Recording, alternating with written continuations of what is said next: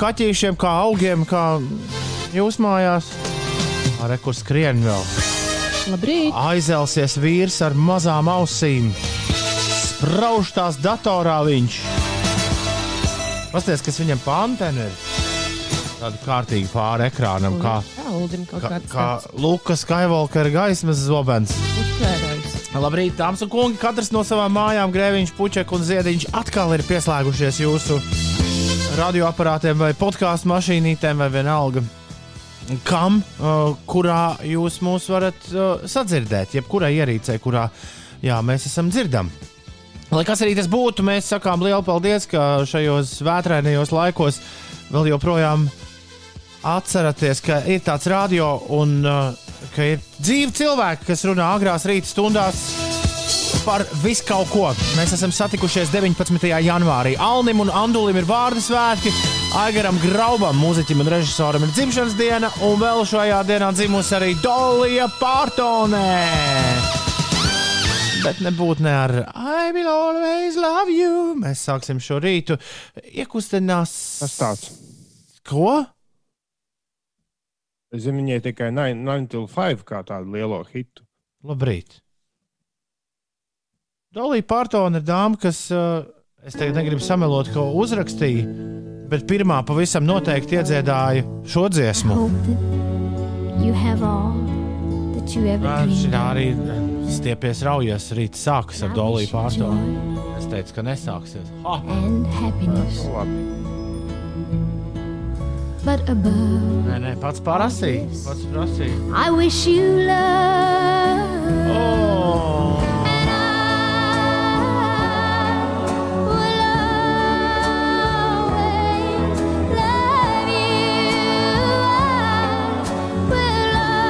Šis nav Vitnijas Hjūstons gabals. Nu, ir arī viņas, bet, uh, bet to tiešām Dolija Pārtona pati ir arī sarakstījusi. Jā. Tūksto, Forši, jā. 1973. gadā. Bet mm, es biju iecerējis rītu pavisam savādāk sākt.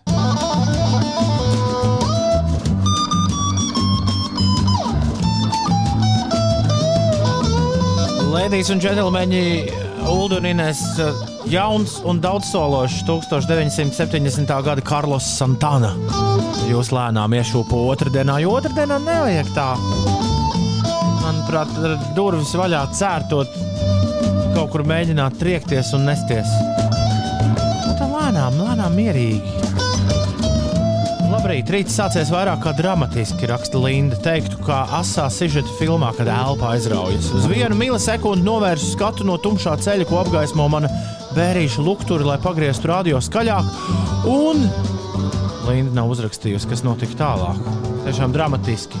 Karlos Santānā, albums numur divi viņa dzīvē, Abraksas Samba Patī. No tā atklāja šorīt uh, mūsu rīta radio. Labrīt, šodien mežā svētki. Alnis vārda dienu svin, raksta Raimis. Tā, bet pagaidi jāatgriežas atpakaļ pie Lindas ziņas. Uh, tad Lindas ziņa bija šāda. Labrīt, rīts sācies vairāk kā dramatiski. Teiktu, kā asa sižeta filmā, kad elpa aizraujas uz vienu milisekundi, novērsu skatu no tumšā ceļa, ko apgaismo mana bērīša lukturi, lai pagrieztu radio skaļāk. Paceļu acis un stirnas! Ah, ceļa kreisajā pusē, divas, labajā četras, es uz 80 braucu. Ko darīt? Par tuvu esmu pīpināt, bremzēt, ievēlku elpu un riskēju, un uh, stirnām netrāpīju. Tiešām dramatiski. Uh, Linda, lūdzu, acis uz ceļa. Man no jums jau tāds ieradums, sliktā meitene raksta. Var vēl trīs stundas gulēt, bet pirms desmit minūtēm pamodos ar sajūtu, ka esmu aizgulējusies. Nu tad jāliek jūs fonā, lai super izdevusies šī diena. Jā, ielaid Bet mūs droši Par to, sapnītī. ko Linda rakstīja, šobrīd jā, ir diezgan jāuzmanās. Meža dzīvnieki siro autoceļu tūmā, jo ceļi ir sasālīti un meža dzīvniekiem patīk sāls. Ņemī, ņemī. Īpaši āļņa vārda dienā. Tu domā, tu domā, labi uzkopts ceļš. Viņš domā, hmm, konfektē. Man omdragen par labiet, bei labi. Man omdragen par crazy yet, ne pareizé. Ir jā, joprojām dikti augsts. Par spīti tam, ka nu, tūlīt būs pluss, tūlīt būs pluss. Tā vismaz prognozes teica. Šorīt jau atkal labs mīnus 11. vismaz aiz garāžas studijas durvīm. Kā tev, Ines? Kā tavās mājās termometrs rāda? Nē, esmu pārbaudījusi, bet katrā ziņā ir siltāks nekā pirms uh, diviem rītiem. Latvijā šodien ir mākoņi, pat labi ir mākoņainas debesis, vietām arī neliels sniegs un arī dūmaka. Vietām Latvijā mazliet sniks, tas par pa dienu, vietām arī uzspīdēs saule, kur zemē sākot no dienvidu rietumiem gaidāma debesu skaidrošanās un gaisa temperatūra dienas vidū būs mīnus 4, mīnus 9 grādi. Latvijā līdz mīnus 11 grādiem. Tā kā ir krietni, krietni siltāks nekā vakar un aizvakar. Pūtīs lēns līdz mērens dienvidu, dienvidu austrumu vējš. Galvaspilsētā nav gaidāmi būtiski nokrišņi, un arī šeit eh, gaisa temperatūra pakāpsies līdz mīnus 6 grādu atzīmē.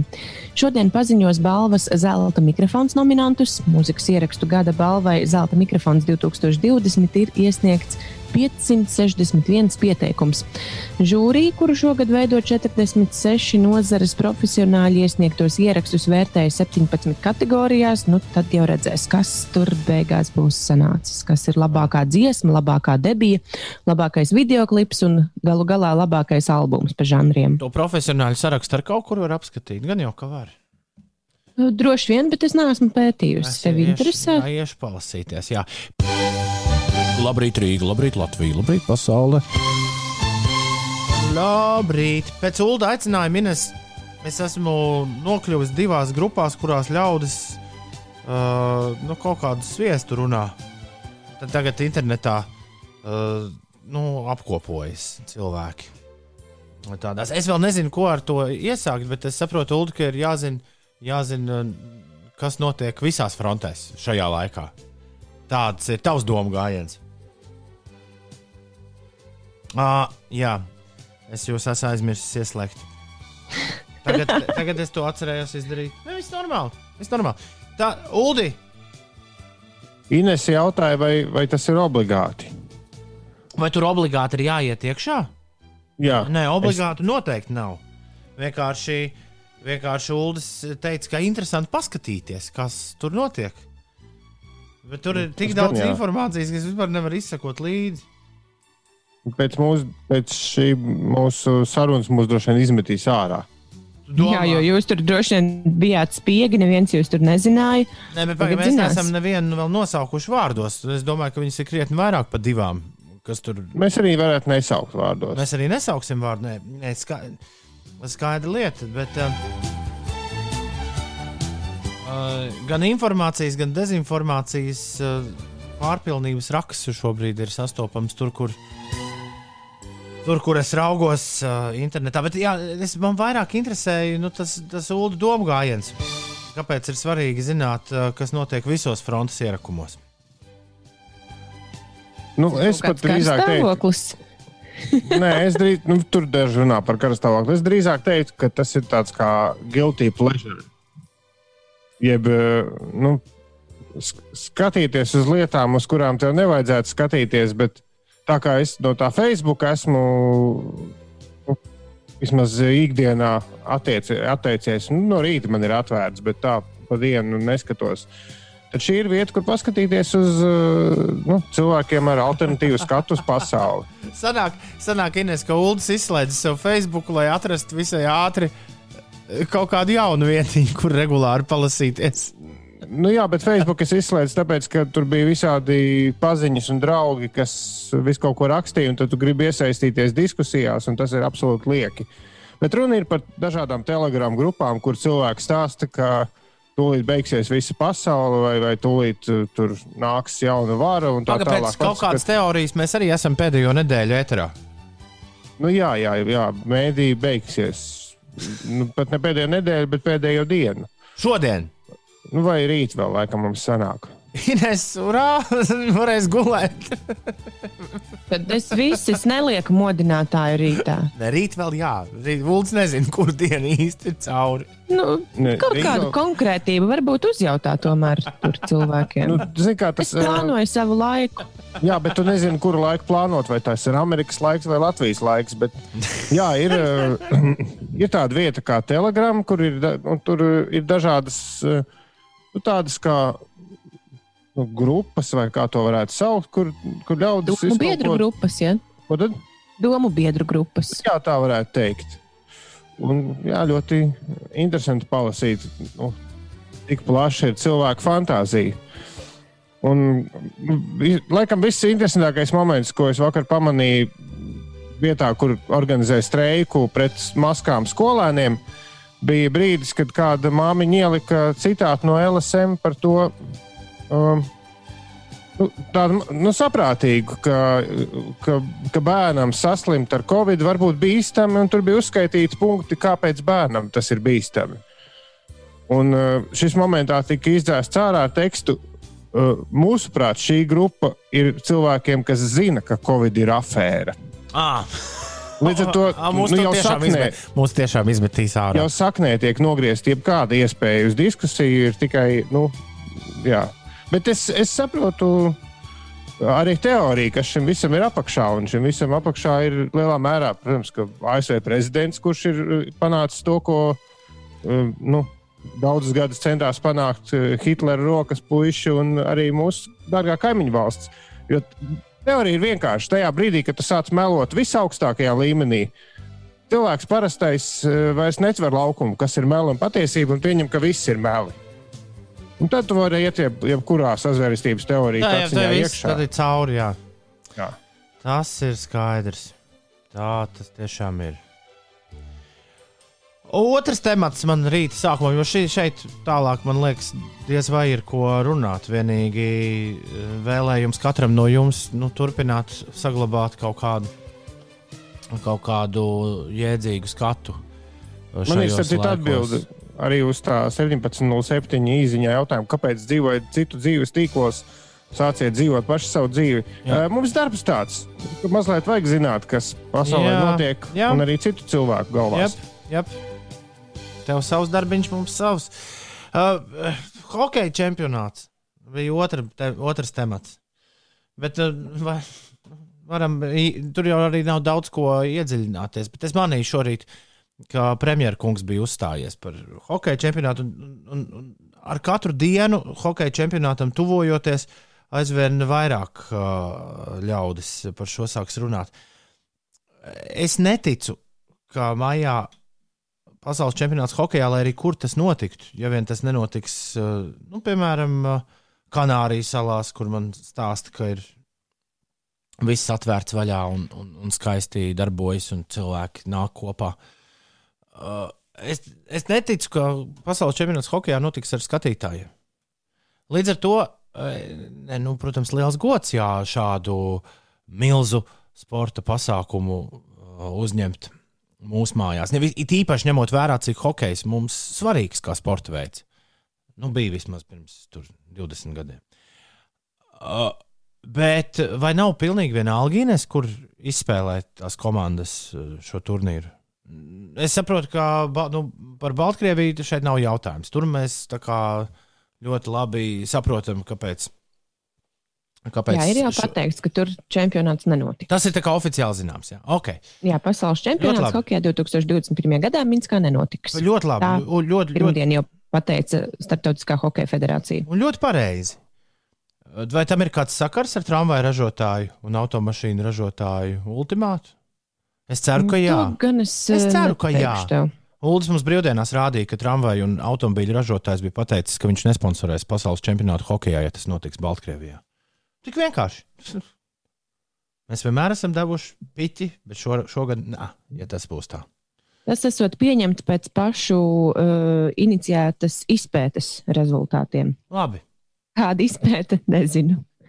Bet vai tiešām nav pilnīgi vienalga, kur tas čempionāts notiek, ja viņš notiek uh, priekš televīzijas kamerām? Nu, kaut kāds jau plāns no sākuma bija. Nu, labi, plāns bija par divām valstīm. Es domāju, ka Cita lieta, mēs nevaram jau kaut kādā veidā ir sākušas gatavoties šim. Nu, jā, mums taču hali būvē pie treniņa hali pie Daugavas stadiona. Tas bija, tā bija ironija. Nē, Nu, kā nē? tur Pie tiešām Daugavas būvē. stadiona ir paredzēta ledus hala, jā, bet, bet vai to Ne mēģinās uzcelt dažu mēnešu laikā? Nē, bet viņi taču ir gatavi jau gandrīz. Bet tur tak Sen nevar, tur tak nevar spēlēt Kanādu pret Ameriku. Klausies. Nē, nu tā bija treniņa laikam. Uh, jā, un te ir vēl viens uh, ļoti svarīgs punkts, ko nu pat mēs aizskārām. Mums jau nav tas ledus, kur to uh, hokeju izspēlēt. Kā, bet es, es lasīju šorīt Twitterī, ka, ja nevar Minskā, tad var Dolē vai Molā. Un, un, un es gan, Ir viens cits lielveikals. jā, kur ir. tur kur Jā. pa vidu ir. man gan liekas, ka pēc Minskas nākamais ir mēbeļnams. hierarhijas ziņā. tā kā. Nē, nu, geogrāfiski. Vēl var mēģināt ārā spēlēt. To, Doma laukumā. es minēju. Doma Ja to darītu februārī, tad uz ķīšezeru varētu visas izlases vienlaicīgi salaist. Bet tur jāmēra ledus biezums. Nevar Tas gan jā. muļķoties. Bet vispār mums taču ir diezgan halas. Man liekas, taču dažas labas, dažus gadus vecas tikai. Bez cilvēkiem, kur spēlēt, jā, tādas halas mums ir netrūkst. Nu, jā. bez publikas. Bet tur, jā, nu, tur droši vien, kā teiktu, tur tie pasaules čempionāti hokeja vīri, nu, tur jāskatās. Ja?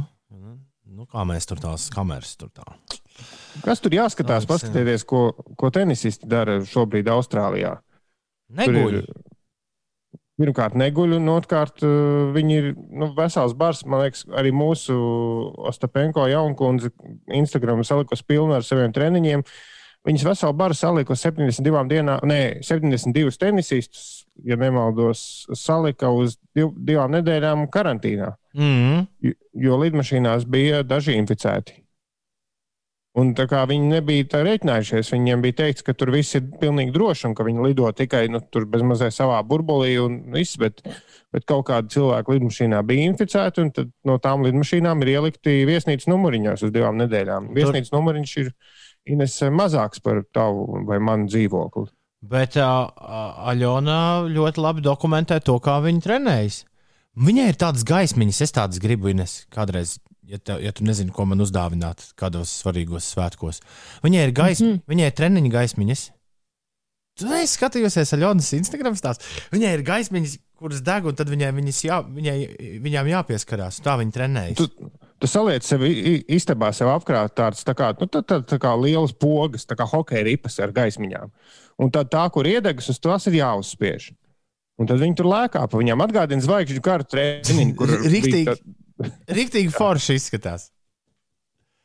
kur es atradu, cik tādas es maksā. To, paska- to ir- Ines, ja es rādu īkšķi uz leju, tad neprasa, cik tāds maksā. Un tad, diemžēl, to nebūs. Tad būtu pašam Tev- jāpērk. Tev to vajag, tev to nevajag. Agrā rītā speci, speci izlaidums. Man vislabāk patīk tas, ka uh, currently unavailable, nu skaidrs, visi mājās trenējas. Uh, vislabāk patīk tas tenisists, kurš bija izdomājis, kā trenēties mazā viesnīcas numuriņā, nu, riktīgi tādus nu, ļoti, ļoti spēcīgus belzienus ar raketi pa bumbiņu. Noliec matraci stāvus pie sienas un sit matracī, un tad tā bumbiņa atlec tā ļoti maigi.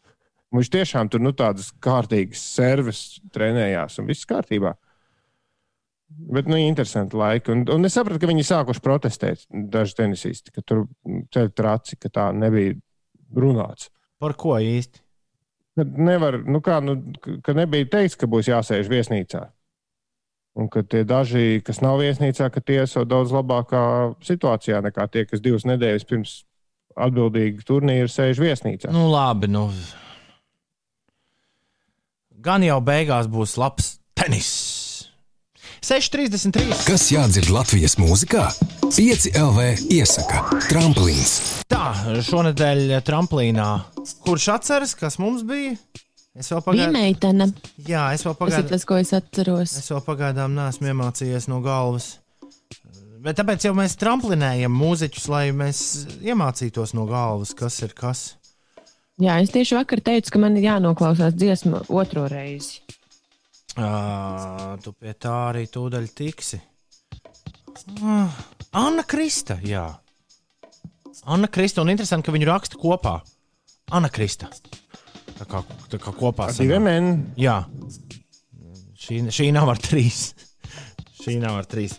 Un viņai ir šai jaunajai daudzsološajai Latviju dziedātājai ir jauns singls, pareizāk sakot, ā, nu, tāds ā, pirmais gara darbs, par kuru uzzina plašāk ļaudis. To sauc Nezvani vēl. Dzirdi, kā atspēras Latvijas jaunā mūzika - tramplīns.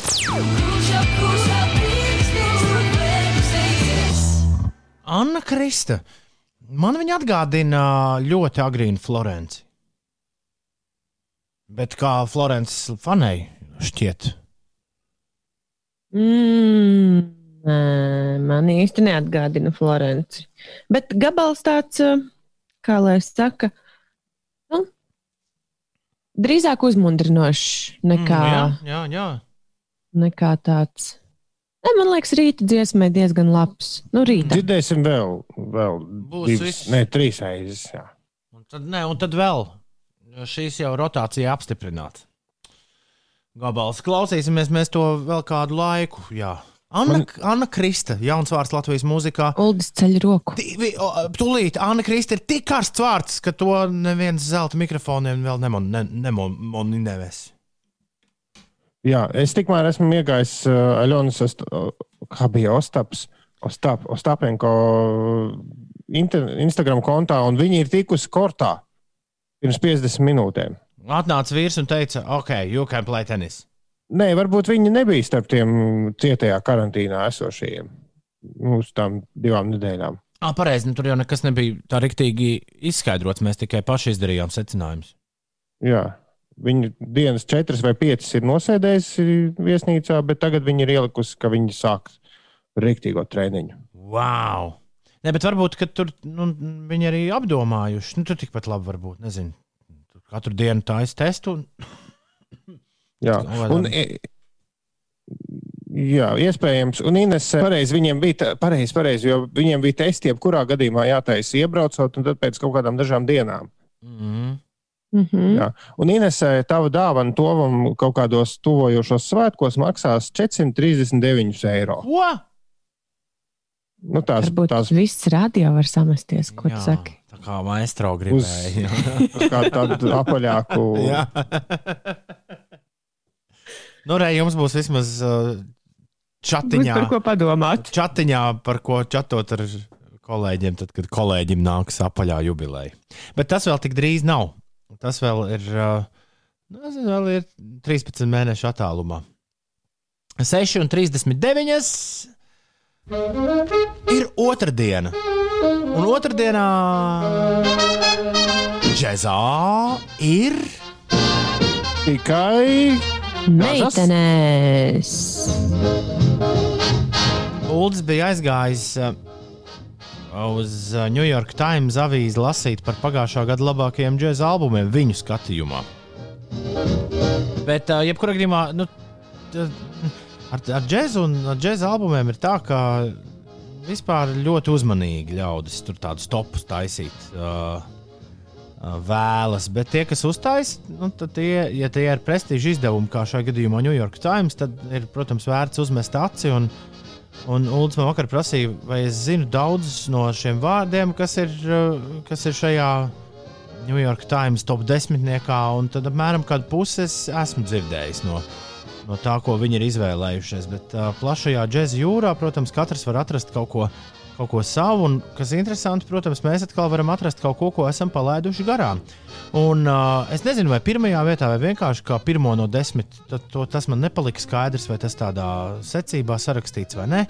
Uh, New York Times ir izvēlējušies 23-gadīgu altu saksofonistu uh, Immanuelu Vilkinu, kurš uh, pērn laida klajā savu debijas plati Omega. Un tā kā mēs neko nebijām par Immanuelu Vilkinu dzirdējuši, tad mēs nolēmām šorīt jums Immanuelu Vilkinsu uzspēlēt. Vai tu par viņu zini kaut ko vairāk?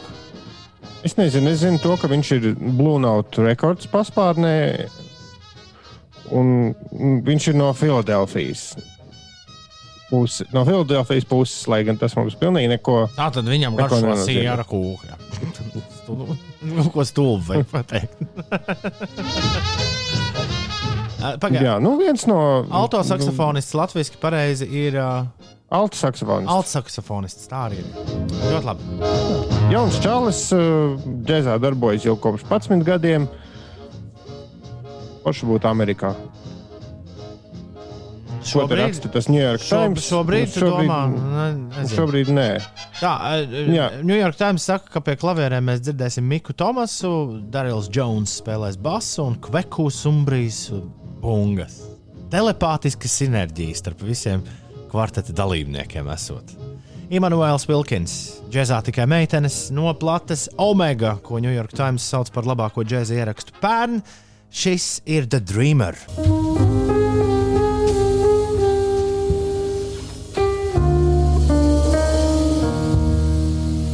Noskaņa, ko Imants Vilkins rāda ar saviem kolēģiem, man atgādina, ka labdarības maratona dod pieci to mirkli naktī, kad tie, kas turējās un ir klausījušies, ir klausījušies radio visu nakti, ir jau aizmiguši. Tā teikt, izslēgušies. Savukārt tie, kuriem jāmostas uz darbu, tie vēl nav cēlušies. Un tad diskžokējs bieži vien spēlē kaut ko šādu. Nu, kamēr Vakat- viss čuč. Paskatoties pa loku, šobrīd to sajūtu var noķert. Imants Vilkins, The Dreamer. Es noteikti uzspēlēšu viņa plati Omega, kur pagāja gar degunu. Pērnā man uzspēlēšu Omega kaut kad šodien vai rīt, kādā brīvākā mirklī. Un iespējams arī iesnaudīšos. Šī ir lieliska mūzika, pie kuras arī iesnausties uz mazu mirkli. Ir ā, 6,46 minūtes. Inēs, kas notiek? Latviešu basketbolists Kristaps Porziņš ir guvis 23 punktus kā rezultatīvākais spēlētājs NBA regulārā čempionāta spēlē, bet, diemžēl, viņa pārstāvētā. Dallasas Mavericks ar rezultātu 93 pret 116 piekāpās Floridas štata. Tā, uh, Nevis Floridas štata eh, komandai, bet Toronto Rap- eh, Raptors eh, vienībai. Floridas Toronto. štata, Toronto. Toronto Toronto. Raptors. Raptors. Floridas štatā notika spēle Tampas pilsētā. Bet jā, viņi spēlēja pret Toronto Raptors eh, spēlētājiem. Tikmēr Dāvija Bērtāna pārstāvētajai Nacionālās basketbola asociācijas eh, vienībai Vašingtonas Wizards ir atcelta arī rītdien paredzētā izbraukuma spēle ar Charlottes Hornets spēlētājiem, tā informē NBA. ASV mediji jau pagājušajā nedēļā ziņoja, ka pozitīvo Covid-19 gadījumu skaits Vašingtonas komandā sasniedzis sešus. Un, ievērojot NBA drošības un veselības eh, protokolu, Wizards joprojām nevar noklāpēt sastāvu ar astoņiem spēlētājiem, lai varētu aizvadīt eh, spēli. Un Nacionālajā hokeja līgā Latviešu vārdsarga Elvija Merzlīkina pārstāvētā Columbus Blue Jackets komanda ar savu eh, somu ripu ķērāju Jonas Korpusālo vārtos izcīnīja uzvaru Nacionālās hokeja līgas regulārā čempionāta spēlē Blue Jackets ar rezultātu 3-2 pārspēja Detroitas Redwings. Daugavas stadiona halla ir gatava, raksta Aldis. Viņa nav piemērota tik daudz televīzijas kamerām. Vakar bija oranžajā stacijā sporta saruna ar uh, Kozjola kungu, kurš visu izskaidroja, kurš ļoti cer, ka visas spēles būs Rīgā. Nu, ja viesturam ir plāns, tad, tad viesturam plāns un, un, un labi, ka tā. Bet par kamerām mēs jau zinām, pēc dot pieci, ka tur, kur agrāk bija kamera un, un operators, var nolikt vienkārši mazu robotiņu. Un vienīgi tie robotiņi droši vien ripē nespēja izsekot tik labi.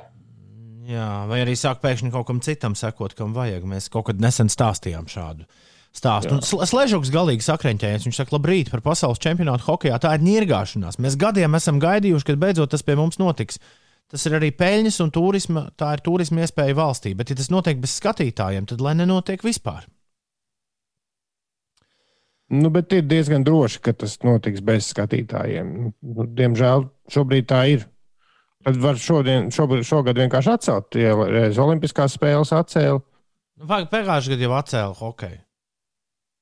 Nu, jā, Ko, Tas, tas kaut kāds futbols būs. Reizes četros gados tikai skaidros čempionu.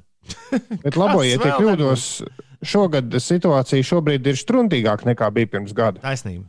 Pirms gada tikai tajā brīdī neviens īsti nesap- nesaprata vispār, kas notiek. Mēs Jā. paši nesapratām vispār, kas notiek. Es neteikšu, ka mēs tagad saprotam diži, kas notiek, bet, bet Ines zina, Nu, jā, bet, bet jūs man piekritīsiet, abi divi, ka sirdī sajūta ir mierīgāka nekā. Nu, ne, jau, Pirms nu, gada. ne jau nu, kā pirms gada 19. janvārī, gluži, bet nu, teiksim, 19. maijā. Pavisam noteikti. Tāpēc, ka šis jau vairs nav nekāds jaunums. jā. Parasti jau biedē jaunas lietas, nezināmas. Jā, jā. Nu, meklējam jaunas, jaunas lietas. 6,53 ir pareizais laiks. Tagad būs. Uh, Jaunā laika man. tu pazudi man, es te sagrozīju skaļumus savai laika mašīnai. Uzdziedās vēlreiz. Uzdziedās vēlreiz. un- Dziedāt. Jaunā laika mašīnā. Šodien jaunajā laika mašīnā skanēs varens gabals. 1955. gadā to saraksta Aleks Nors un Haiz Zarets. Filmē, kas nav pārāk uh, pazīstama. Uh, par cietumniekiem filmu sauc. Filmu sauc un, uh, jā, ne, filma ir par cietumniekiem. Filmu sauc Unchained. Kopš tā brīža pasaulē esot veikti 1500 šīs melodijas ieraksti. 670 mākslinieku izpildījumā visdažādākajās valodās. Visslavenākā šīs dziesmas versija, ko arī jūs dzirdēsiet, ir ierakstīta 1965. gadā. Tā kļuva par uh, uh, standartu mazai, mazo platīšu atskaņotājos, kas stāvēja kafejnīcās visapkārt Amerikas Savienotajām valstīm. Tā, un vēl šī dziesma ir uh, vienīgā dziesma kopā ar Know It's Christmas, kur ir Lielbritānijas topā bijusi pirmajā vietā četras reizes, četros dažādos izpildījumos. Taču mūsu, manu Ulu paudzi šo filmu, šo dziesmu pazīst pateicoties filmai Spoks. Bet vai jūs bez šazam varat pateikt, kas šo dziesmu izpilda? Ha, ha, ha! To es gribu uzzināt.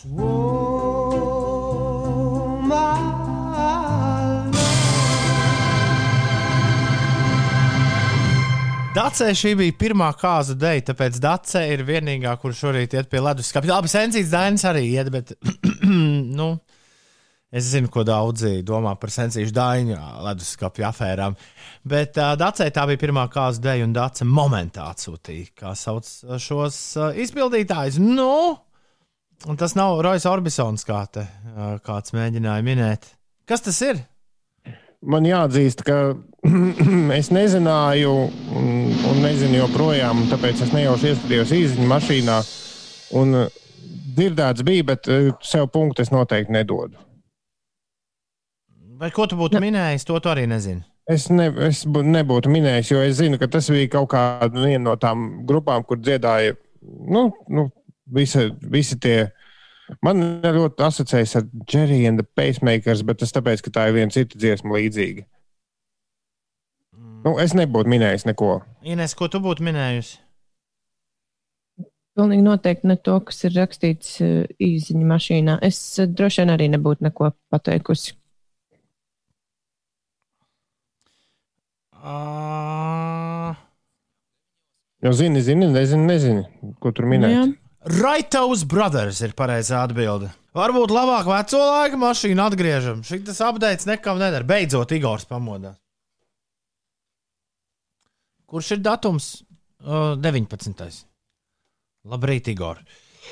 Uh, jums vispār ēterā ir ļauts paust alternatīvu Covid viedokli, pat ja kādam no jums tāds ir, kā nekā valsts radio. Pirmkārt, nav, Nav nekāda. valsts radio. Jā. Es Jā. var, varbūt sāksim ar to. Ir sabiedriskais radio. Ja? Kā tur bija ar viedokļiem? Viedokļi ir tā kā nu, tas, uz kā tu sēdi. Nu, katram tāds ir.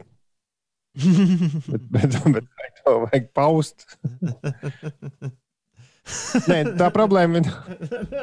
Nu, tas teiciens ir mazliet rupjāks oriģinālā. Jā, jā. Bet, bet uh, vai, nu, tā problēma jau tā, ka daudz viedokļus jauc ar ziņām. Un tev nevar būt viedoklis, nu, kā tev var būt viedoklis par to, kas ir zināms. Nu, nu, tu nevari teikt, ka man ir viedoklis nu, par lietu zināmu. Nu, es tagad baidos kaut ko pateikt, un Nu, noteikti atradīsies kāds, kurš teiks, nē, nē, tas nav zināms. Ne, nu kā. Tas, ko Ulas to var ilustrēt, piemēram, par, par ēdienu runājot, ka Ulas tagad paziņotu, ka zemeņu ievārījums ir vissāļākā lieta, ko viņš jebkad ir ēdis. Un tas patiesībā ir absolūti, tas ir, tas ir sāļš, un tas ir jāliek klāt sāļiem ēdieniem. Nē, tad būtu vienkārši. Tas nozīmē, ka man ir covid, jo covid rezultātā. Bet tad arī sāļu tu nejust. Nē, tur ir, eh, ir, ir interesants nianses. Tad, kad tev sāk atgriezties, tad tev ir nobīdes. Un tu sāc sagaršot un sajust lietas. Ēdot ievārījumu, tev liekas, ka tu ēd eh, tomātu mērci. Jā, jā. Nē, nopietni. Man viena paziņa šitam iet cauri. Nav nekas pārāk jautrs. Es esmu Raitovs Brothers nepareizi izrunājis. Raičas. Righteous Brothers. Labi. Vainīgs. Bet uh, viņam, es, uh, es Unchained melodiju pamanīju nedēļas sākumā pētot Filu Spektoru ne, nelaiķa darbus. Tur šī dziesma figurēja, bet viņš izrādās bijis diezgan liels ņērga, un viņš producēja tos brothers. Un šī dziesma bijusi kā B puse platītē, un viņš pat esot zvanījis radi, un dīdžiem patikusi labāk par A pusi. viņš pat esot zvanījis uh, uz radiostacijām un lūdzis, lai beidz spēlēt šo Unchained melodiju, jo tas laikam nav viņa producējums. Tā bija tā kā miskastes dziesma, viņa prātā. Ļoti labi dziesma, ko dungot, nesot miskās tā ārā no rīta. Čau, piecīši! Oh, my love! Daudz. Tur. Čau, piečuki! No ko, no ko šodien no rīta uz āliņu jāiet veselību iegūt kā uh, gadam? Raksta Oh. Rēmons. Jā, bet Instagramā tie peldētāji parādījušies aizvien vairāk. Tāda Tāpat sajūta, kā distanču slēpotāji. Tas- Esat pamanījuši? Jā, jā, jā. Bet, bet, bet, bet, bet, bet distanču slēpotājiem viss ir skaidrs, bet peldētāji tāda sajūta, ka ir vesela kaudze, kas to vien ir gaidījuši. Nu, tad, nē, nē, tad, kad bija nulīte, tad es taču neiešu tad peldēt. Tas, tas jau nekas nav. bet tā kā uzrauja mīnus 10, mīnus 20, tad tik āliņģi iekšā. Nu, bet tāpēc, ka šis ir piedzīvojums, pārdzīvojums sev un kaut kas tāds, ko gribas parādīt. Iespējams, ir tā, ka sajūta ūdenī ir siltāka nekā ārā. Nevis iespējams, bet tā ir. Jā, tā Tā ir. noteikti ir. Ir desmit Bet- minūtes. Jā, Nē, es gribēju teikt, taču parasti ap šo laiku visi lika bildes no balī. Vienkārši nav citu, ko darīt šobrīd. Tāpēc slēpo ko un varētu redzēt? Jā, ielien āliņģi iekšā. Bet es arī gribētu paslēpot. Man pārliecinoši Ronis teica, mmm, haha, nākamā vasarā arī tu ielīdīsi ūdenī. Es saku, nu, ej, nu, ej. Es zinu, labi, skatīsimies. nākamā vasarā tu pilnīgi noteikti nākamā vasara, bet nākamā ziema. Atvaino. Pārteicos. Bet es domāju, ka tam ir kāda jēga tad, ja tu to dari tiešām regulāri. Nu, nevis tā vienreiz ziemā ielien un tad varonis. Nu, Tāpat varonis. Kaut kādai regularitātei ir jābūt, lai no tā tiešām būtu kaut kāds labums, nevis vienkārši Instagram bilde. bet Instagram bildi jau arī bieži vien ir labums. Nu, nezinu. Labi, mēs esam aizrunājuši. Ir 11 minūtes pār 7. Labrīt! Otradien, 19. janvāris šeit Latvijas Rādio 5, 5 LV, 5 rītī. Atkal rīts un atkal brokastis raksta Aijēna. Mums šodien būs karstās itāliešu karstmaizes ar tunci. Labu apetīti visiem! Normons no Kanādas grib zināt, vai ir vīriešu un sieviešu ēdieni. Kā tev šķiet, Ines? Kāpēc? Es domāju, ka nē. Jums liekas, ka ir? Nē. Es mēģināju iedomāties kaut kādus variantus. nu, abu, man liekas, avokado ir tāds tipisks sieviešu auglis, bet tas ir tikai tāpēc, ka es esmu tādos stereotipos dzīvojis. Un gan jau, ka ir vesels bars kungu, kas avokado šorī- šobrīd liek uz, uz kārā zobu. Šobrīd nē, bet, domāju, pilnīgi noteikti. šobrīd nē, bet tiklīdz radio beigsies, tā avokado būs arī manā ēdienā kartē. Es vēl iedomājos, piemēram, par tādām smalkām kūciņām, kas varētu būt dāmu ēdiens. Un kaut kādu tādu riktīgu, Makarūni. Jā, un tādu riktīgu steiku, vai tur tādus kārtīgus ribiņus, vai cūku svaigus, ka tos droši vien vīrieši ēstu, bet gan jau, ka tā nav. Nē, tu, tie visi ir tādi stereotipi. Es zinu, ka, piemēram, dāmas uh, lielveikalā uzreiz speras pie dārzeņu un augļu stenda. Es nē. Stereotipi. stereotipi. Jā. Alnim un Andulim šodien vārdu svētki. Viņiem ā, 19. janvārī vārda diena, un Aigaram Graubam un Dalijai Pārtonai vēlam daudz laimes dzimšanas dienā. Un tagad mūsu gandrīz vai tautietes Ašniko jaunais singls, kurā viņa samplē Kelly's I hate you so much right now. Šo sauc Deal with it. Labrīt, Inesē. Kas notiek? Jā, šorīt vietām kurzemē, vidzemē un latgalē apladojuma veidošanās apgrūtina braukšanu pa valsts galvenajiem un arī reģionālajiem autoceļiem. Protams, slidenos autoceļu posms kaisa ar pretslīdes materiāliem. Bet atgādināšu, ka šie pretslīdes materiāli, kas parasti ir sāls, tie piesaista meža dzīvniekus. Tāpēc eh, jāuzmanās ne tikai no slideniem autoceļu posmiem, bet arī no dzīvniekiem, it īpaši diennakts eh, tumšajā laikā. Mazliet par sportu. KHL vienība Rīgas Dienāmo šodien izbraukumā spēkosies ar līgas vadošo vienību Kazaņus Akbars. Mačs sāksies pulksten sešos vakarā. Šogad Dienāmo aiz muguras jau ir četras mājas spēles, no kurām uzvara izcīnīta tikai pirmajā. Savukārt izbraukums sākts ar diviem zaudējumiem - 2 pret 3 pret Čerepavecas Severstaļu un Nižņikāmskas Ņefte Himika. Tādējādi neveiksmju josla ievilkusies līdz pat pieciem mačiem. Tas ir Rīgas ai, Tikmēr NHL Elvija Merzlīkina pārstāvētā Kolumbusas Blue Jackets ar Jonasa Korpusālo vārtos izcīnīja uzvaru. Blue Jackets ar rezultātu 3 pret 2 pārspēja Detroitas Red Wings spēlētājus un svinēja savu pirmo panākumu šajā jaunajā sezonā. Tikmēr arī Kristaps Porziņš guvis eh, panākumus, 23 punktus guva viņš, bet diemžēl tas nepalīdzēja Dallas Mavericks izcīnīt uzvaru. Mavericks spēlētāji ar 93 pret 116 zaudēja Toronto Raptors spēlētājiem. Vakar no rīta uz īsu mirkli mums pievienojās Linda Līna. Ja tu to palaidi garām, tu vari noķert uh, sarunu ar Lindu mūsu podkāstā. E-punkts uz Slipsvītra podkāstu. Tur tas viss ir dzirdams. Linda Līna pats svarīgākais mums atnesa jaunu skaņdarbu, kurš ļoti labi skanēs arī otrdienā. Vakar tas skanēja pirmdienā vienkārši izcili. Es ceru, ka pa 24 stundām tas nav samaitājies. Šī ir Linda Līna un Blue Monday. Linda Līna reti mums piegādā jaunus kompaktdiskus, bet kad viņi to dara, uh, tad tas ir liels notikums. Linda Līna un Blue Monday. Un, ja tu nedzirdēji vakardienas mūsu sarunu, tad pavadījumā, pavadījumā grupa ezeri, jā, visi šeit šajā dziesmā nodrošina. Uh, Alnim šodien vārda diena. No Alņiem uzmanamies. Šie lien uz ceļa pēc apsveikumiem tikko gandrīz vienu apsveicu. Vēl joprojām slapju muguras lejas daļa, raksta CRX. Uh, jā, uh, mēs par to runājām šodien redzējumam sākoties. Sāls ir sakaisīts un, un, un, un zvēri grib. Zvēri grib Uzņemt vitamīnus. laizīt, Jā, bet ja tas ir zināms, tad uh, tiešām nav kaut kāda alternatīva, lai, lai no šī izvairītos. Mm. Es, es, es- es- nē.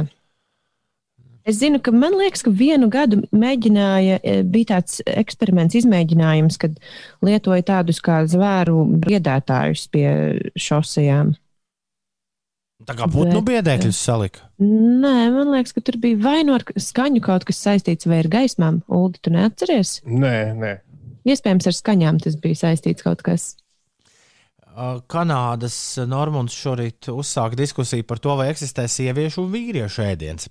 Ilza raksta, kad gājām ar vīru paēst vecajos laikos, viņš deva priekšroku burgerītim ar aliņu, kamēr es, piemēram, izvēlējos Cēzara salātu, saldo un špricu. Stereotipiski, bet tā nu mums ir. Uh, Ernests raksta, protams, ka ir vīriešu ēdiens pankūkas, jo poliski vārds pan ir kungs.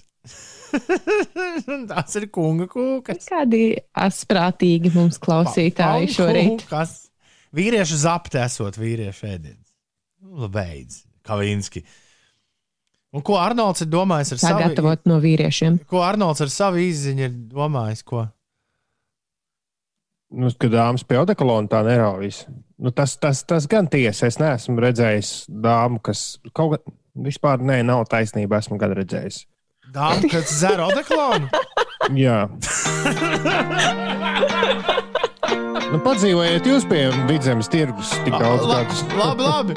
Sākas, uh, sākas uh, dzimumu kari. Sindija raksta, vīriešu ēdiens ir tas, kur nejēgā daudz majonēzi. Respektīvi, jebkurš ēdiens, kur ēdot vīrietis, pievieno majonēzi. Sindija ir trauma.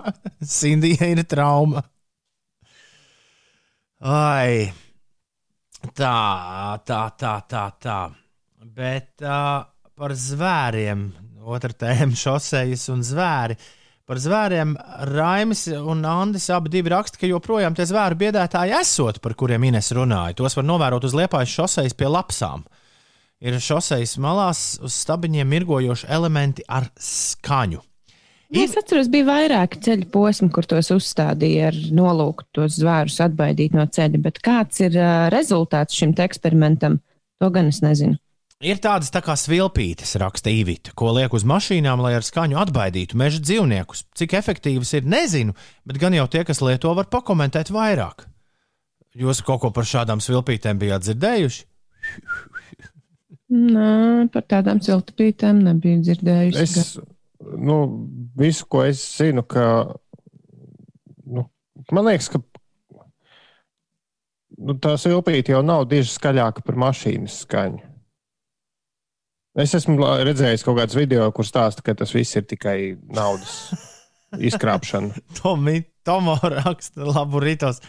Kā būtu, ja meža biezokļos sakarinātu specializētus dzīvniekiem sāls klučus, kur parasti vairumā tusē tie meža lopiņi? Nu, lai viņi To varētu darīt. Bet viņiem jau tas Ir. nav, viņiem jau nenāk veselībai pa labi tas sāls. Es Dzīvnieku- to atceros, kaut kur Nu, dzirdējis. dzīvnieku veikalos ir nopērkami tādi lieli, lieli, lieli sāls kluči. Nē, tieši lielos lopiņus, zirgus un govs uh, pacienā ar tādiem ziemā. Jā, Nu, tur tomēr kaut kāda vitamīna ir. kuņģis to ņem pretī. Nu, labi. Viņi jau nenoēd visu to sāls kluci vienā reizē.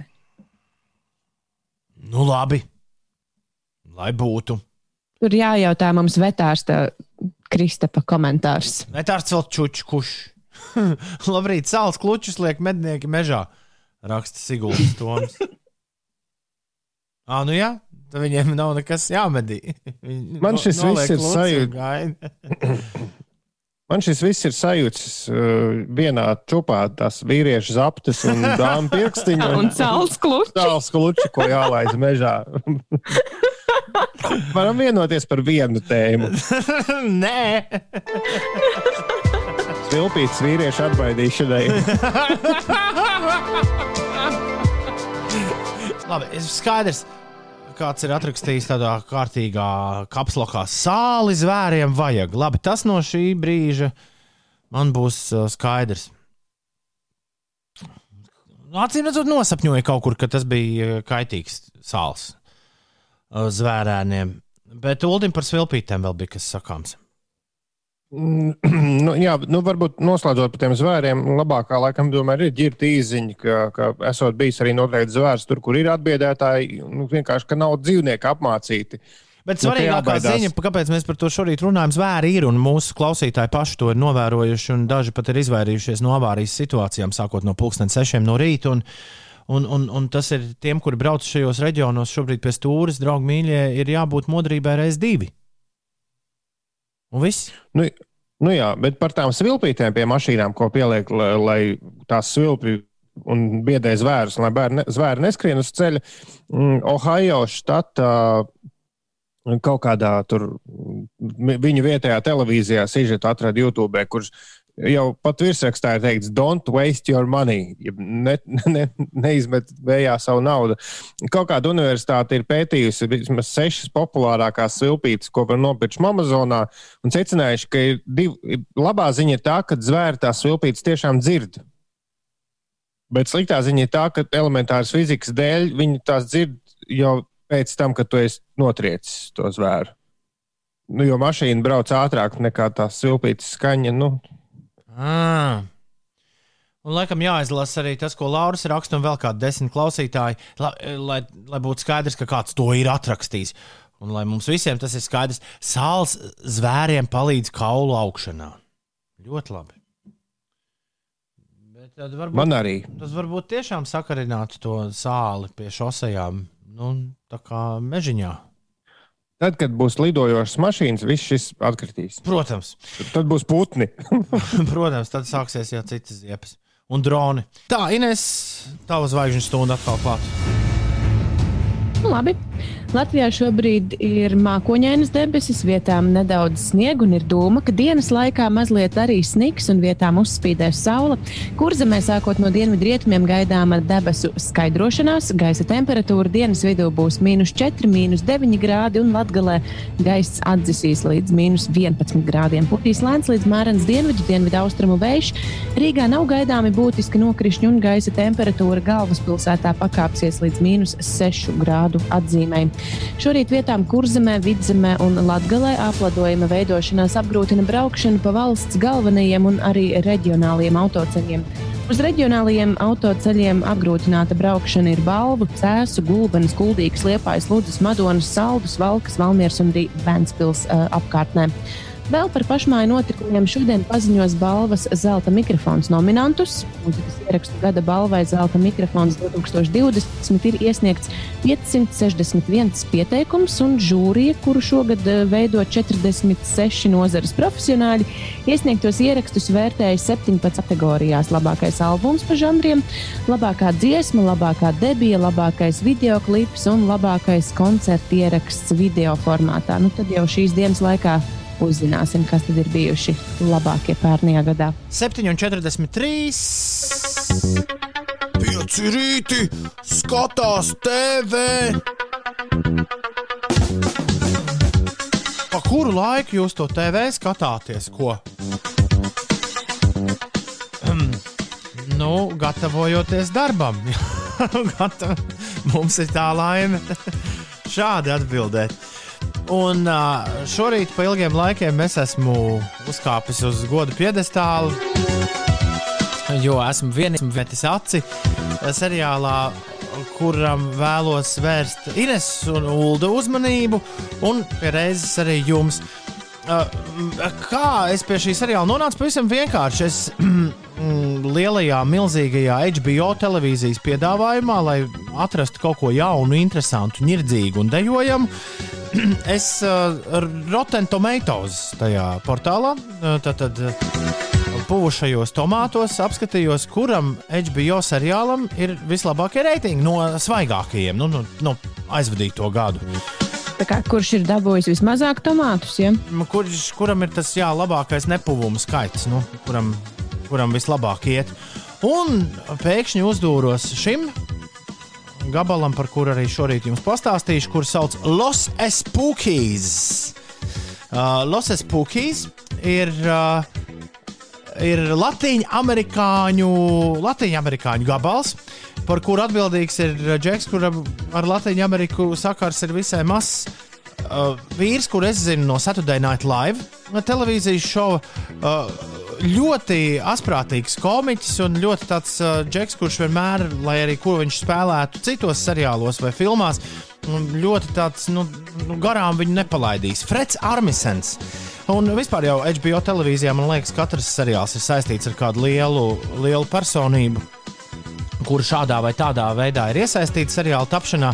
Šai gadījumā Loses Pūkīs, Loses Pūkīs, Freds Armisens ir ne tikai ne tikai Džeks, kurš to visu ir izdomājis un sarakstījis, bet viņš ir arī dzan, redzams seriālā un pats parādās ļoti interesantā tēlā. Ik pa laikam, gluži kā tāds dievs no mašīnas, savedot kārtībā dažas situācijas, kaut, kaut visbiežāk viņš seriāla galvenos varoņus nemaz nesatiek.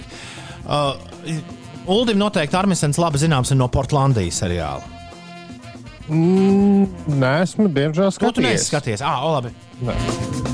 Es zinu, vīru zinu gan. Portlandī es vienmēr jaucu ar Always, It's Always Sunny, un kur tur. Filadelfija, ko es ar diemžēl neesmu Bet redzējis. kaut ko tu, tu no šitā gala skatījies. Kaut ko ļoti līdzīgu. Par tiesas zāli tu mums vienreiz pat, tu mums pat vienreiz stāstīji.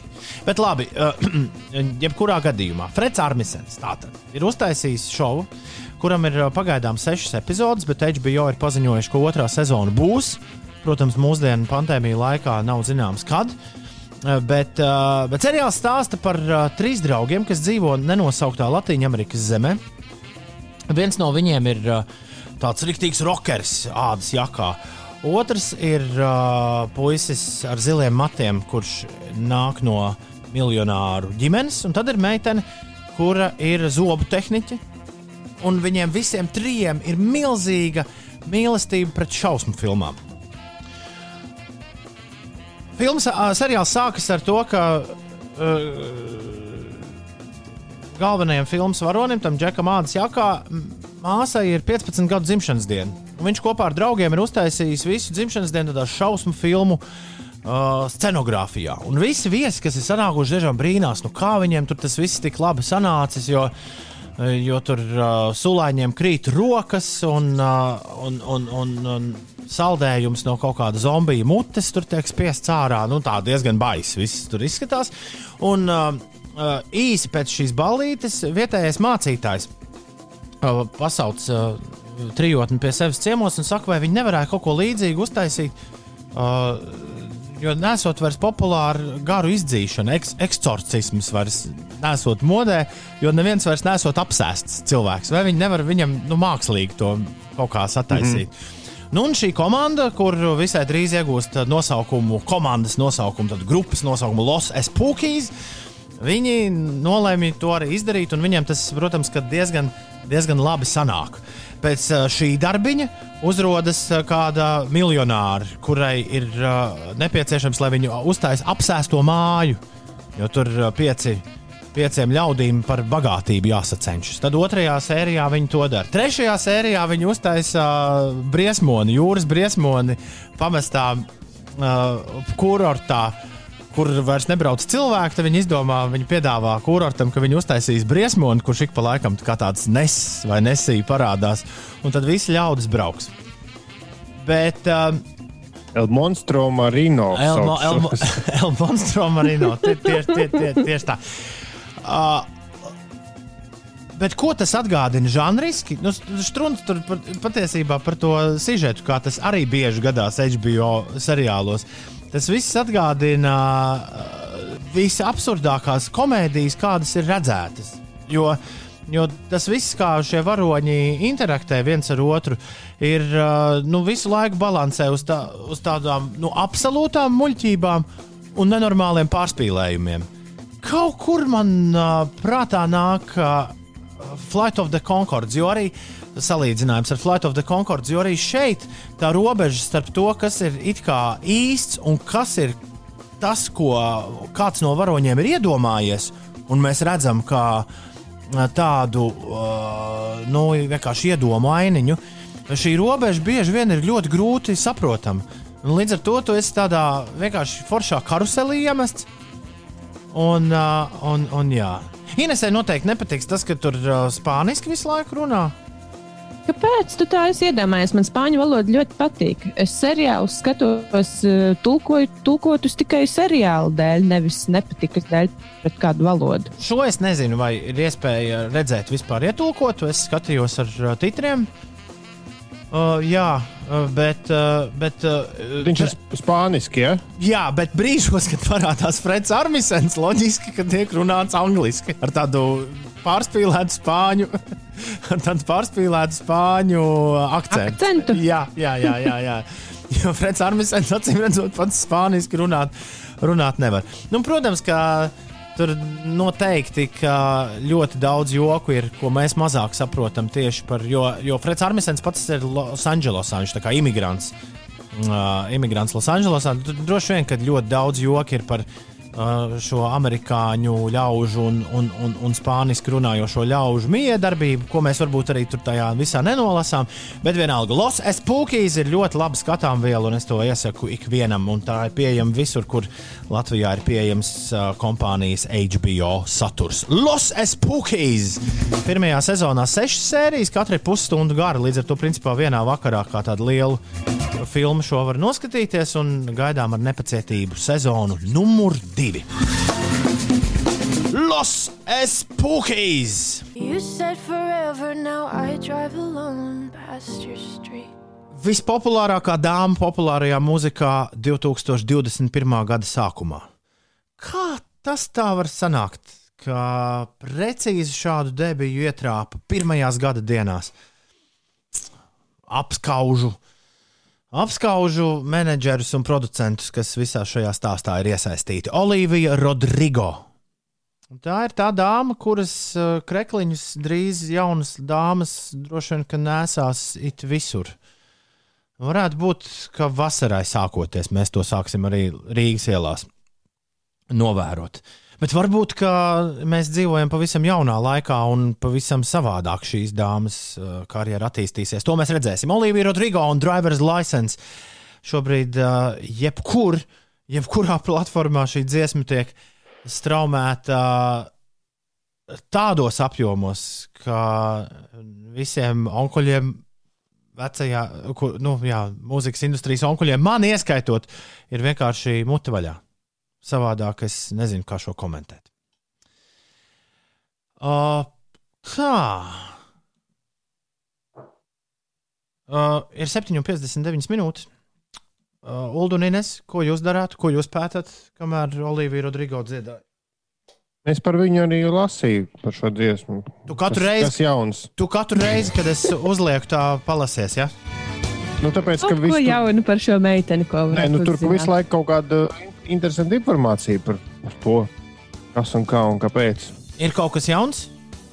Tad jāprasa tev. Nu, laikam jau, ka nē. Kā ir plānota uh, komunikācija sociālajos tīklos, lai nonāktu pie šādiem panākumiem? Nu, cik nu plānota, bet nu, tāda ir bijusi. Tas Taylor, ir pilnīgi skaidrs. Jā, tā interesanti, ka Taylor, kur, kur Olivija visvairāk atgādina, viņa ir bijusi iesaistīta visā šajā afērā. Viņi ir tā kā uzsitus uz pleca, jā, bet, bet uh, nu, vienkārši onkuļi no mūzikas industrijas laikam ir aizmirsuši, ka tīņi ir tīņi un vienmēr būs tīņi. Jo nu, tāda nu, tīņu šķiršanās dziesma, seriāls, īsts puisis, izdomāts puisis. Tur viss stāsts ir perfekts. Perfekti. Mūsu visu trīs mājās otrdien sākusies ir gan darbīgi. Gan Ja? darbīgi. Ar rītēteru. Gan darbīgi. Es uztaisīju pusotru litru tējas. Pusotru litru. Tik daudz? Jā, tāpēc, ka man šodien gara diena radio un man jāņem līdzi termas. Tad es, À, es domāju, ka tu jau pusotru litru esi izdzēris. Izdzēsis, es esmu pusi no puslitra. Es savācu kopā visus, visus mūsu un sūtu to uh, signālu uz domu laukumu no savas uh, mājas garāžas studijas.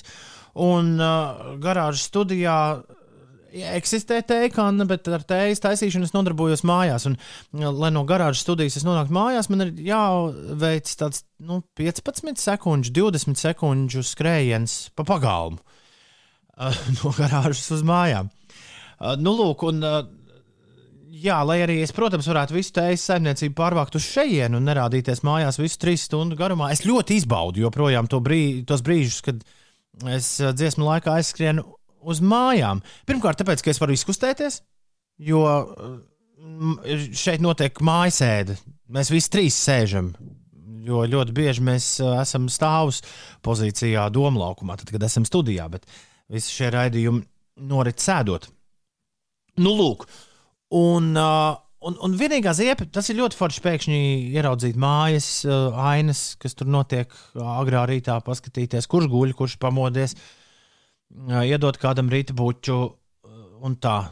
Bet ar to tējas vārīšanu, ja pēkšņi izrādās, Ulu, kā tu teici, tu esi uzvārījis 2,5 litrus uh, tējas vai pusotru. Bet, kad pēkšņi izrādās, ka es esmu, neesmu atstājis pietiekami daudz ūdeni un nevaru vienkārši nospiest hot water podziņu un man ātri uzsildu to, kas jau ir bijis silts pirmīt, tad gan rodas ziepes. Bet es esmu pamanījis, ka arī tad, ja kāna ir aizsildījusi līdz kādiem 70 grādiem, tad arī jau var raut nost un, un liet ūdeni iekšā, un nav nekāda vaina arī tam ūdenim, nu, kurš nav tur līdz galam baigi uzvārījies. Jā, man ir parastā tēkāna, kura vai nu ir, vai nav. Nu, tāda vislētākā elektriskā. Pazies, Bet, Bet, uh, kāds mūsu klausītājs cīnās ar, ar pārslu kasti, jo šķērs nav par rokai un nekādīgi nevar atdabūt, atdabūt vaļā šajā rītā. Ir uh, 9 minūtes pārpusdienas astoņiem. Lai es ļoti ceru, ka šo mazo ikdienišķo klapatu dēļ jūsu rīts nekādā gadījumā necieš, jo mūsu rīts pavisam noteikti uh, no mazām ikdienišķām klapatām tikai un vienīgi iegūst. Nevis kaut ko cieši. Ir 9 minūtes pār 8. Labrīt! Otradienā, 19. janvāris. Jau drīz būs februāris jau klāt. Lēniem soļiem šis nāk pie mums. Burvīgs rīts iesācies, Mika raksta. Ceļā skaistas eglis. Sveiciens banķierim Kasparam un visiem, kas ceļā. Ja būtu draugs mans banķieris, tad viņam būtu kliņģeris. Sāku apsvērt domu celties uz darbu, raksta sliktā meitene. Tik tālu jāceļas no gultas laukā un esmu darbistabā. Ūdeni tēja jau uzlikt. Tas ļoti līdzīgi kā mums. Ļoti līdzīgi kā mums. Mēs arī dzīvojam darba vietās. Sveiciens šodien vārdu svētkos Alnim un Andulim, mūziķim un režisoram Aigaram Graubam dzimšanas dienu, amerikāņu dziedātājai un aktrisei Dolijai Pārtonai svētki. Un sveiciens klausītājiem, kurš vizina auto savu meitu, kamēr sieva uz magnētisko rezonanci aizgājusi. Jautri! Pārnāks mājās un sieva rezonēs visu dienu. Un viss dzelzs priekšmets lips klāt. Labi, miers! Tagad, lai ir, lai ir miers. Kristīna Pāže. Alisē šodien 23. Alisē! Juhu! Daudz laimes dzimšanas dienā, daudz laimes dzimšanas dienā, daudz laimes dzimšanas dienā vēlam tev mēs! Sveiciens vārdu dienā arī Rīgas Stratiņu universitātes pasniedzējiem Alnim Sta Staklam. Staklem. Jā. Jā, vīriešu uzvārdos, ja, piemēram, ja vīrietis ir Jānis Liepa, tad ir nevis Jānim Liepai, bet Jānim Liepam. Tur kaut kāda deklinācija jāņem vērā. Es No, Atsakot, nopietni, Stakļa kungs ir tavs bakalaura vadītājs? Nu, jā, pirms daudziem gadiem viņš bija mans bakalaura darba Kā, vadītājs. kā jums veicās? Man liekas, ka veicās diezgan labi. Viņš man deva uh, diezgan lielu brīvību, un komunikācija mums bija uh, gana laba, lai gala rezultātā skolēs pabeigtu un viss būtu kārtībā. Tagad jāapsveic ir arī lielo muļķu mērs vārdu dienā. Nu, seriāla varonis. ah, jā, Alnis, pareizi. Roberta Gobziņa izskatā. Runās, starp citu, ka seriālam būs šo to, ne, trešā un, Trešā daļa. un noslēdzošā. Jā, Es tā arī kādos skatījusies. jā es, es arī vienā podkāstā šo dzirdēju. Uh, bet uh, vai tu otro vēl neredzēji? Ja? Nē, Tad jau tev būs rīktīgi lielo muļķu balīt mājās. Es vēl pirmo līdz galam nesmu noskatījies. es taupu, no, lai, būs, lai ir beigas, un tad skatīšos. tad, kad būs uzreiz. vēl vairāk brīva laika, ja tam tu taupi. Jā, jā, jā. Labrīt! Ines, kas notiek? Labrīt!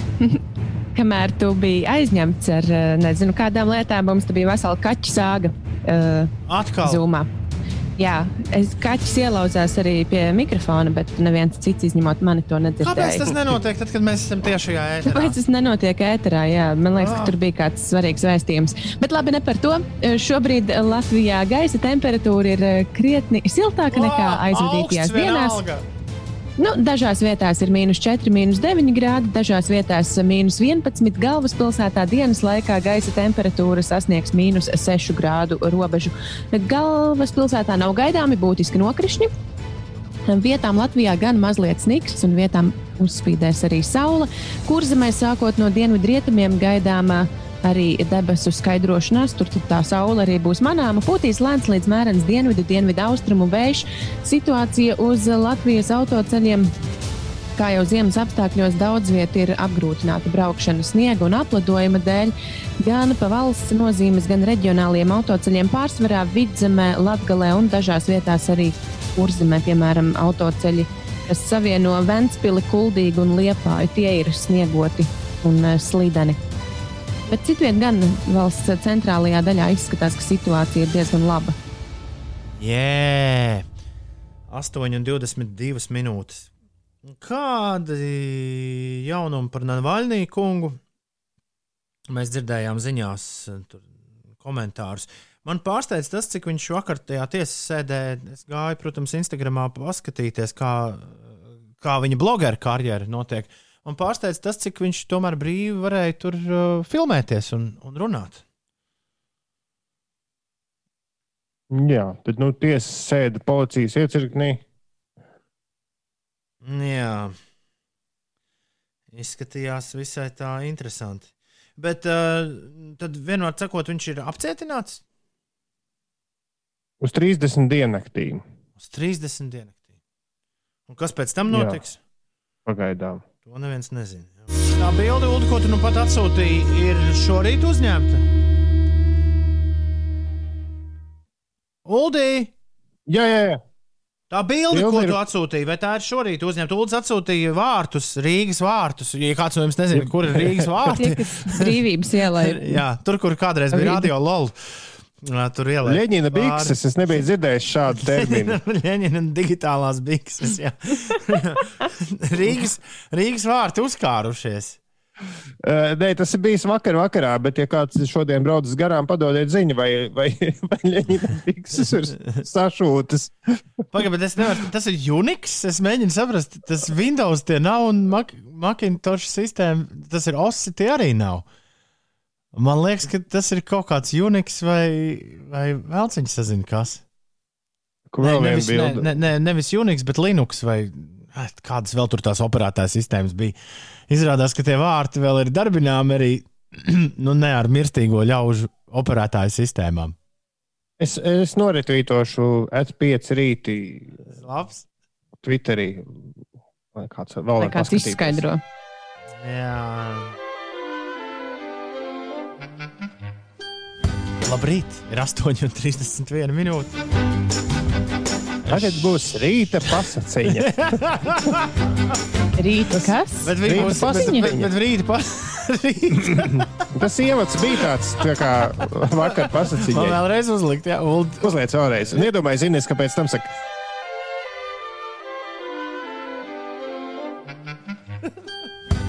Tagad rīta pasaka. Es domāju, ka sāks tādā rūtīšu balstiņā runāt.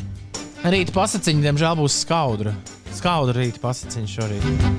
Par puisi, kurš nesagaidīja 2020. gadu. Kurš, uh, 20. jā, viņš aizgāja pirms sākās pandēmija. Viņš neuzzināja, uh, ka tāda būs, bet visas pandēmijas laikā mēs viņa balsi ļoti bieži esam dzirdējuši. Ja es pareizi atceros, tad viņš slēpa uh, no, no, No vectētiņa. no vecmētiņa, ne no Savas policistiem. burvīčības. No policistiem viņš slēpa sliktas konfektes. Tad, kad, Es nevaru saprast, it kā bēdīga ziņa, bet man tad, kad, nāk.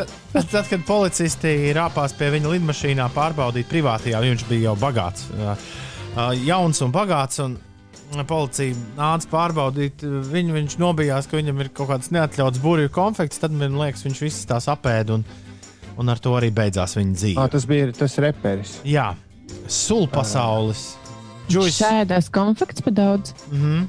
Juice World. Uh, jā, bet viņš, kad, kā Rainis rakstīja, imanta nevaida miris. Tāpat arī Juice World joprojām ir kopā ar Vai mums. tad tas bija Rainis? Uh, Labi. Tas nav induls. un Indul. Es esmu gandrīz simtprocentīgi par to drošs. Bet, uh, džu, Tur bija vēl citas rindiņas tam Ļauj- dzējolim. ļaujiet pabeigt, lūdzu. Par burvečībām un vectētiņu.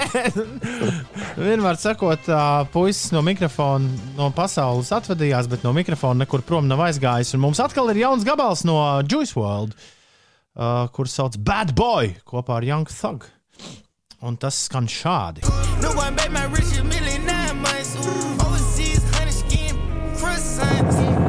Nu, šāds gangster raps 2021. gadā no Juice World un Young Thug. Tas bija Bad Boy. Un, lai arī neviens neatrakstīja izziņā šo kļūdas labojumu, tomēr imants nevaid miris. Uldis šajā gadījumā, ja mēs abi divi sacenstos, bet tas tā noteikti būtu jebkurā Viktorīnā, ja mēs ar Uldi sacenstos divi tā. Tad uh, Uldis uh, tiktu pie daudz vairāk punktiem nekā es. Nu, tā vienkārši mūsu, Īstenībā mūsu pie podi ir iekārtoti. Uh, pie a- punktiem tiktu Inese. kāpēc? Jo es, es, es kaut kā, man likās, ka tas nav Rainis, bet, bet Inese zināja, ka tas ir. Es zināju par četrindi. Ā, Tas ir Andrejs Punkurs, un tagad Ines deklamē Andreju Punkuru. Rīt rādā Ā, nu- visu uzmanību. Deklamēt es neesmu gatava, bet uh, es atceros, pamatskolā mums šis dzējols bija jāmācās, kur dažas rindas bija tādas. Imanta nevaid miris, viņš tikai apburts kluss no darbošanās Rimis zem zilā kalna dus. Kāpēc Tālāk man, neatceros. kāpēc man tas smadzenēs ir ar Indulu un Āriju sasaistījies? Klausies, bet tur ir labs pandiņš, ko varētu ar to rīta pasakiņu dziesmīgi salikt kopā. Tu, Bet, nu, gribi, tu gribi, lai es to izdaru tagad? to, es Netur, nezinu, netur, nu, varbūt. netur sveci zem pūra mēģinām. Labi. Tad viens pantiņš no pumpura imantas. Ar simtiem gadiem reizi mazs rūtītis augšā nāk un apskatās, vai migla ap kalnu nodzist sāk. Nu, un ja sāk nodzist, tad ko rūtīts dara? Uh, Kamēr zilo miglu ap zilo kalnu redz, tik ilgām tūkstošus gadus gan viņu zemes sēdz. Bet reizi pērkoņa dēlu tajā kalnā lodes spērs, tad beidzīs visi jodi pēc zobina tas ķers.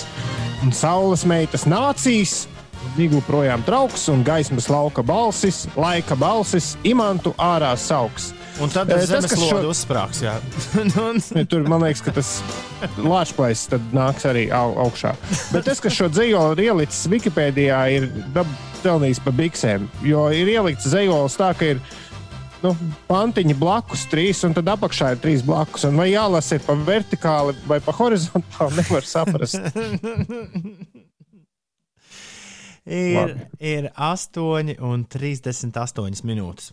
No rīta esot uh, bikses bijušas joprojām erorā. Paldies Kūciņa kurjeram un Unnai, kas mums to atrakstīja. Linda raksta, ka Ulas tiešām skan kā bings. Bet mēs taču jau noskaidrojām, ka Ulas, Ulas ir bings. Es tikai neatceros, kas tur bija tās tavas slavenākās frāzes. Un kā viņš skanēja? Nu, labi, neatklāsim amata noslēpumus. To var atrast kādā no mūsu podkāstiem. Tikai es neatceros, kurā. 8,39 minūtes ir pareizais laiks. Ines, kas notiek? Jau? Es jau tikko stāstīju, kas Nu, vēl, notiek. vēlreiz bet, jāpastāst. Jā. Labi, labi. Vācijas kanclere Angela Merkele un vēl 16 federālo zemju premjerministri iespējams pagarinās karantīnas režīmu tur Vācijā, kur notiek arī cīņa pret ā, koronavīrusu. Nākamās sarunas par turpmāko rīcību vēl ir ā, gaidāmas. Nu, skatīsimies arī, kas pie mums notiks, jo arī pie mums ā, šī brīža stāvoklis ir līdz 25. janvārim. Atgādināšu, ka arī gaidāmās brīvdienas būs jāpavada mājasēdē. Nu, tad jau redzēsim. Ir kaut kāda plānota, tālāk. plānotas jaunas ziņas, jaunas sēdes. Mēs zinām, ka tas notiks. Nu, Katru nedēļu notiek jaunas sēdes, bet uh, vai tiks kaut kas mainīts, to jau droši vien. Tad citu šodien, kas par dienu, otrdienu. Šodien varētu, šodien ir sēde, bet vai tajā lems par šīm lietām, to gan es nemācēšu pateikt. Bet eh, šodien mēs uzzināsim zelta mikrofonu nominantus. Tur ir eh, 17 kategorijas, uz kurām pretendē 561 pieteikums. eh, Vairāki eh, jomas eksperti ir izvēlējušies tos, kas tad ir labākie dziedātāji, labākās debijas, labākais video klips un kurš tad galu galā ir arī labākais albums. Un par sportu ir aizvadīta veiksmīga nakts Kristapam Porziņģim. Tiesa ne viņa komandai Dallasas Mavericks ar 93 pret 116 zaudēja Toronto Raptors Kaut kas, spēlētājiem. kaut kas pietrūkst komandas garā. Lai arī tur, man liekas, ar punktiem viņiem joprojām viss ir kārtībā. Bet, uh, ja, ja, ja porziņš un dončits abas sprauž, bet komanda zaudē, tad kaut kas nav kārtībā. NBA nav komandas gars, NBA ir komandas garš. Nu, garš porziņš ir un citi tur gāja. Oi, nē, viņi ir jau līdz desmitajai vietai ar šitām zaudēm nogāzušies. Pirms porziņa ienākšanas viņi, man liekas, bija piektie uh, rietumos. Tagad viņi ir desmitie. Ui! Bijās pat Nu, tā, pateiks, ka viņš nes nelaimi. nu tā tā nevar. Saņemieties! Nu tā tā nevar. Labrīt! Piec rīt joprojām tavā rīta radio. Stundiņu divas vēl pagulēt, bet nē, maita kaķis uz palodzes sēžot ar nagiem skrāpē stiklu, laikam ārā augsts. Andrejs raksta pilnīgi nu, tāds pats scenārijs kā Uldim bez maz vai mājās. Jā, kaut kas kaķiem nepatīk, laikam, tajā augstumā. Bet nu, es, es viņam iekārtoju vakar, te vakar pilvenu gultiņu pie radiatora, lai viņš nenāk uz datora sēdēt. Mm. Bet Nu. nu. Andrei Kaķis skrāpē stiklu no iekšpuses vai no ārpuses? Labs jautājums. Man Jā, starp citu, nu, nu, Jūs redzējāt, bija viens vīrs, bija ielicis Twitterī, tikai es neuzspēju favorītu. Kaķis bija atgriezies tikko mājās pēc gada prombūtnes. Pēc gada Aha. prombūtnes. Jā, tepat Latvijā Oskars laikam bija tas, kas to bija ielicis. Neticami. Neticami. Jā, un esot, nu, visticamāk, ka kaķi kāds ir pieņēmis un barojis, un tagad augstumā kaut kā palaidis vaļā, un tad kaķis atcerējās pēkšņi, ka viņam ir iepriekšējās mājas. Jo kaķi tā mēdzot darīt, viņi ir diezgan tādā, nu, nav baigi tādi uzticamie dzīvnieki. Viņi mēdz reizēm izvēlēties vai no otru saimnieku, vai pat paralēli pie diviem saimniekiem dzīvot. Ah, Andrejs, ja kaķis ir otrā pusē. Stiklam. Viņš raksta, mans kaķis ir ārā, laikam pieķēzījis malku šķūni un grib atpakaļ. un mūsu iepriekšējais komentārs par uh, Dallasas Mavericks sniegumu, te jau Matīs un Agris steidz skaidrot. Matīs saka, viņiem trūkst sešu spēlētāju, un Agris ziņo, ka viņi esot pašizolācijā, nu tie seši spēlētāji, tāpēc tik slikti rezultāti. Jā, tajā pašā laikā arī Vašingtonas Wizards nav spējīgi savākt vispār sastāvu, lai spēlētu. Līdz ar to gaidāmā spēle viņiem ir arī atcelta. Nu, vienot sakot, pilnīgs bardaks tajā basketbolā. Es jums teikšu, dāmas un kungi, ja? Nu, bet vīri dara, ko var. Tā ir. Cenšas kā vien var. Dzīves mēra laikos - 8,49. Hei, hei, hei, hei! Hei! Možam garam un uh, sakarīgām Zoom sarunām par godu, laiks uzzināt kaut ko interesantu. Nu, Zoom sarunām tādā ziņā, ka varēsiet pēc tam ar kolēģiem Zoomā varbūt kaut ko no tā, ko mēs runāsim interesantajās ziņās, aprunāt. Šajos mājasēdes, mājasdarbes un arī mājmācības laikos daudziem nāks ķerties pie improvizētiem palīdzekļiem, tajā skaitā arī jaunākās paudzes izglītošanai. Taču uzmanieties, ne viss, ko internetā var atrast par brīvu, var izrādīties derīgs mācību procesā. Tā kādai skolai netālu no Hullas, Jorkšīrā, Lielbritānijā, nācās atvainoties vecākiem par uzdevumu, ko kāds paviršs skolotājs nosūtījis skolēniem. Tajā cita starpā bijusi jauka internetā atrasta pamācība, kā uzzīmēt pūci. Daži, kas internetā jūtas kā mājās, droši vien jau zina, par ko ir runa, taču tiem, kas par pūces zīmēšanas pamācību dzird pirmo reizi, Ines mēģinās pieklājīgi pa punktiem pastāstīt, ko tad īsti Britu 7. klases skolēni saņēma savos mājmācības uzdevumos un kā īsti jāuzzīmē pūce. Ines, tu redzi to Nē, es zīmējumu? to- Es neredzu to zīmējumu, jo es neesmu scenārijā mūsu. Žēl.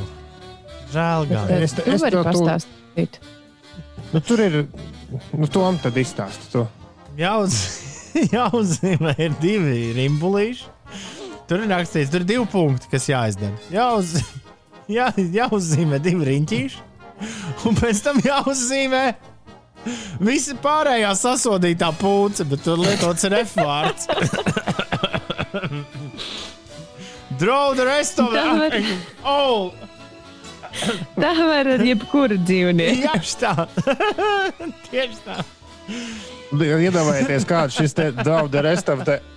Vēl- King, oh, Vēl viena, zīmējums sagādājis 7. klases skolēniem. vēl viena ziņa no apvienotās karalistes. Tur komandants stundas ierobežojumi pamatīgi saniknojuši ļaužu grupu, par kuru eksistenci jau mēs bijām veiksmīgi aizmirsuši. Proti, Pokemon Go spēlētājus.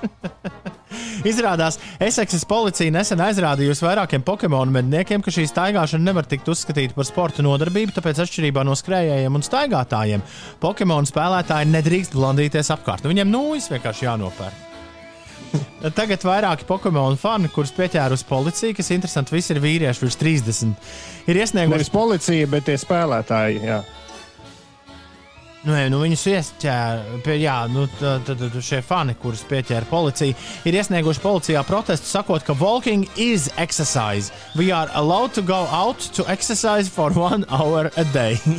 Lūdzu, jā. Mums arī Var ir. varēja taču vienkārši nu izpaņemt līdzi. Bet tad tu nevari turēt telefonu rokās. Var izdomāt kaut kādu statīvu. Noteikti var izdomāt kaut kādu Jā, statīvu. uzkabināmu sev virsū. Tā kā ir, piemēram, velosipēdiem tās velo planšetes, kur tu vari kartu turēt. Tā tu vari galdiņu sev priekšā turēt. Ar nūjām staigājot. Klausies, Ines. Lai arī daži sazvērestības teoriju cienītāji, kurus atzērušies atmiņas ūdeni, ap- apgalvo, ka jaunievēlētā ASV prezidenta inaugurācijas ceremonijā iespējams kronēs nevis īstu Baidenu, bet tikai hologrammu. Mums interesantajās ziņās gandrīz katru dienu parādās kaut kas par inaugurāciju vai citām ar Baidenu saistītām tēmām. Un nesen atklājies, ka negaidīti ieguvēji no ASV vēlēšanu rezultātiem ir neviens cits kā Dua Lipa.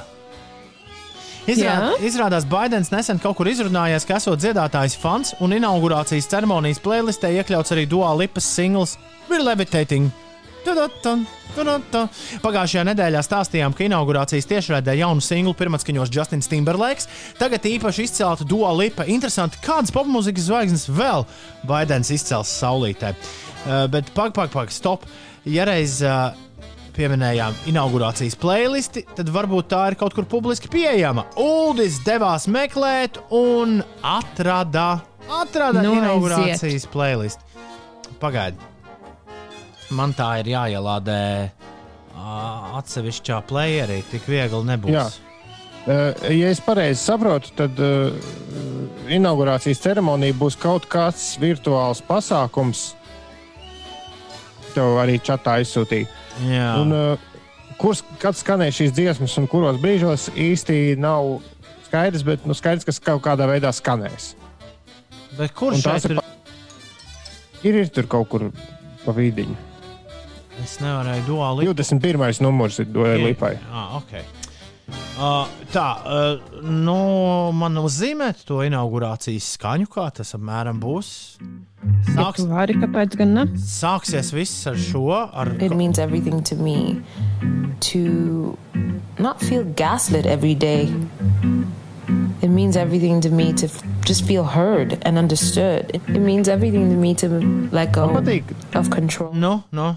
ka tur ir vairākas ļoti simboliskas dziesmas. Uh, nu, we, varbūt take, we take care of our own, piemēram, Brūss Springsteins. Tad būs Kendrika Lamāra Now or Never. Vispār tur ir, the pieces arī ļoti simbolisks. Vispār nu, tur ir tas ļoti- savāds. tur ir ļoti arī foršas dziesmas. Piemēram, Tēm Impalā, Let It Happen. Bet viena dziesma, kur es varu iztēloties, iedomājies to ainu, tagad stāv visu skatuves, un tajā brīdī, kad Baidena kungs parādās uh, durvīs un, un dodas uz skatuvi, atskan numurs 15 no Man nav numuri, man nav numuri, Uldi! Saskaiti pēc kārtas, nevar tā. Šī te Un Baidens lēnā solī nāk iekšā. ar tādu mazu tverku vēl. Kustinot plecus.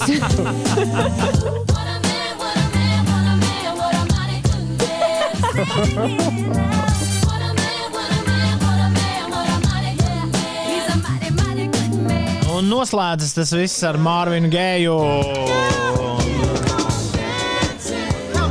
Got to give it up.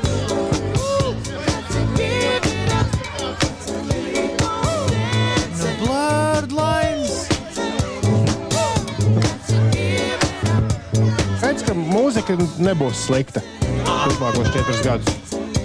Mums arī vajag uh, mūsu prezidentiem inaugurācijas playlists.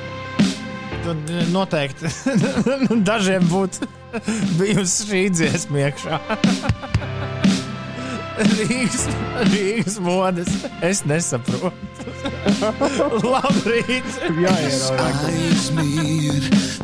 Ja Amerikā tiek inaugurēts prezidents, tad būs prezidenta inaugurācija. Nu, loģiski. Paldies! Tas no vēl varētu mierīgi būt no prezidenta leksikas vai citātu krājumiem. Paldies visiem par uzmanību. Šis bija raidījums pieci rītī. Ja jūs kaut ko nokavējāt, klausieties to vēlreiz podkāstā. E-punkts uz Slimsvītra podkāsts. Mēs jums gan sakām tagad visu labu. Ā, tā! Tā!